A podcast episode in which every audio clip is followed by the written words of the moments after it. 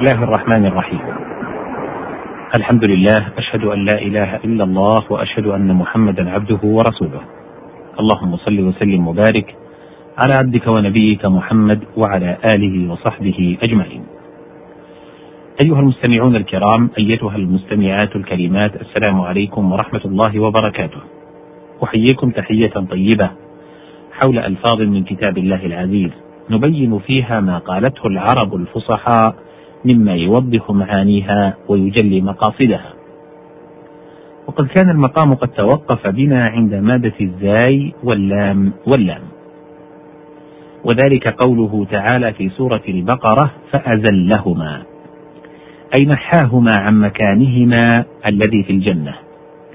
وقيل حملهما على الزلة. والزلة في الأصل استرسال الرجل وزلقها من غير قصد. والمزلة المكان الزلق. ثم قيل للذنب زلة تشبيها لزلة الآراء والعقول بزلة الأقدام. وعليه قوله تعالى فإن زللتم من بعد ما جاءتكم البينات أي تنحيتم عن الحق. يقال زل في الدين يزل زلا ومزلة. وقوله إنما استزلهم الشيطان أي استجرهم وطلب زللهم. فإن الصغيرة متى فعلت سهلت ارتكاب أمثالها ومكنت الشيطان من صاحبها. الزاي واللام والميم. قوله تعالى في سورة المائدة الأزلام. هي قداح كانت العرب تتشاءم بها وتتفاءل. كانوا يضعونها عند سدنة الأصنام. فإذا أرادوا أمرا أتوا السادن فأجال الخريطة فإن خرج السهم الذي فيه الأمر مضى وإن خرج ما فيه النهي أمسك.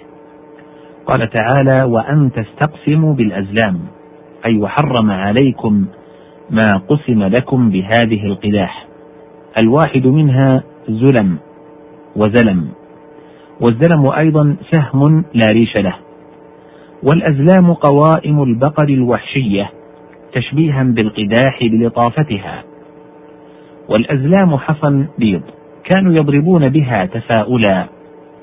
وعليه قول لبيد لعمرك ما تدري الطوارق بالحصى ولا زاجرات الطير ما الله صانع.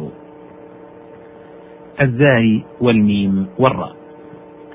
قوله تعالى في سورة الزمر زمرا الزمر جمع زمرة والزمرة الجماعة القليلة ومنه شاة زمرة للقليلة الشعر ورجل زمر للقليل المروءة وزمرت النعامة تزمر زمارا إذا صوتت ومنه اشتق الزمر والقصبة التي يزمر بها زمارة وهي من الإسناد المجازي كقولهم للأرض المزدرعة زراعة.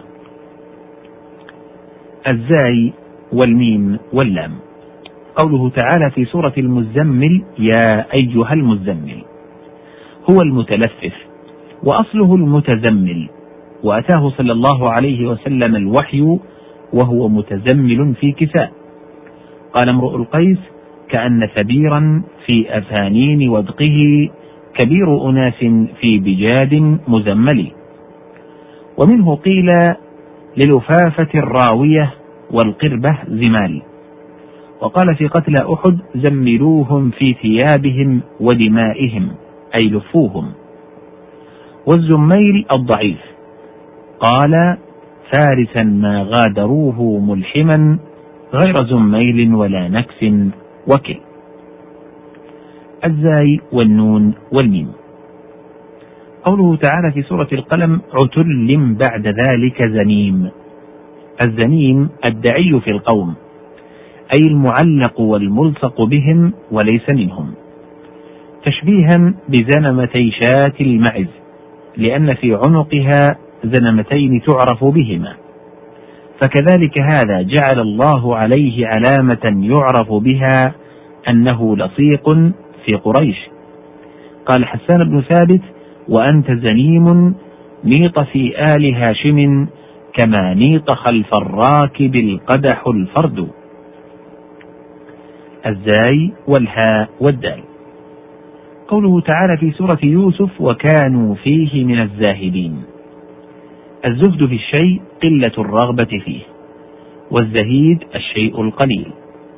والزاهد في الشيء الراغب عنه القانع منه بقليله. الزاي والهاء والقاف.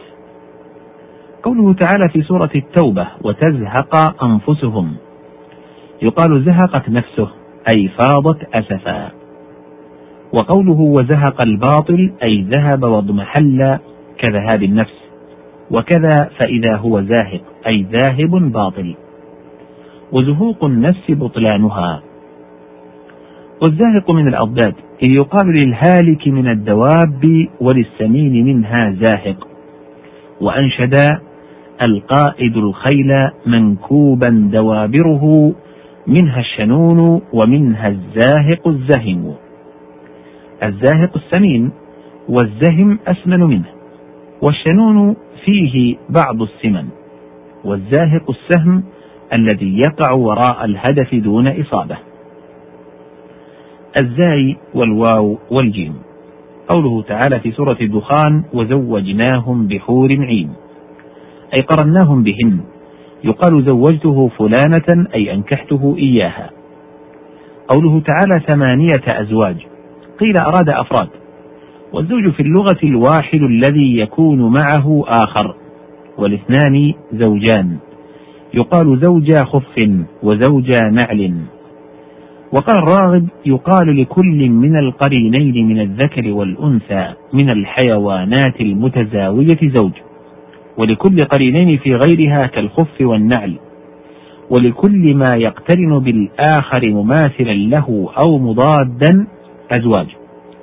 قال تعالى ويا آدم اسكن أنت وزوجك الجنة وزوجة لغة رديئة. وادعى الفراء ثبوتها. قال الفرزق وإن الذي يسعى ليفسد زوجتي لساع إلى أسد الشرى يستميلها. وجمع الزوج أزواج والزوجة زوجات.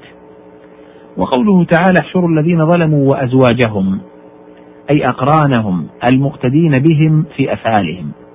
وقيل أشباههم وأشكالهم. وقوله سبحان الذي خلق الأزواج كلها أي الأصناف.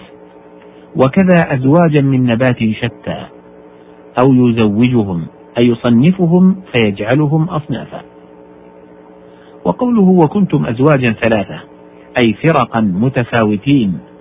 وقد فسرهم بقوله فأصحاب إلى آخر الآية.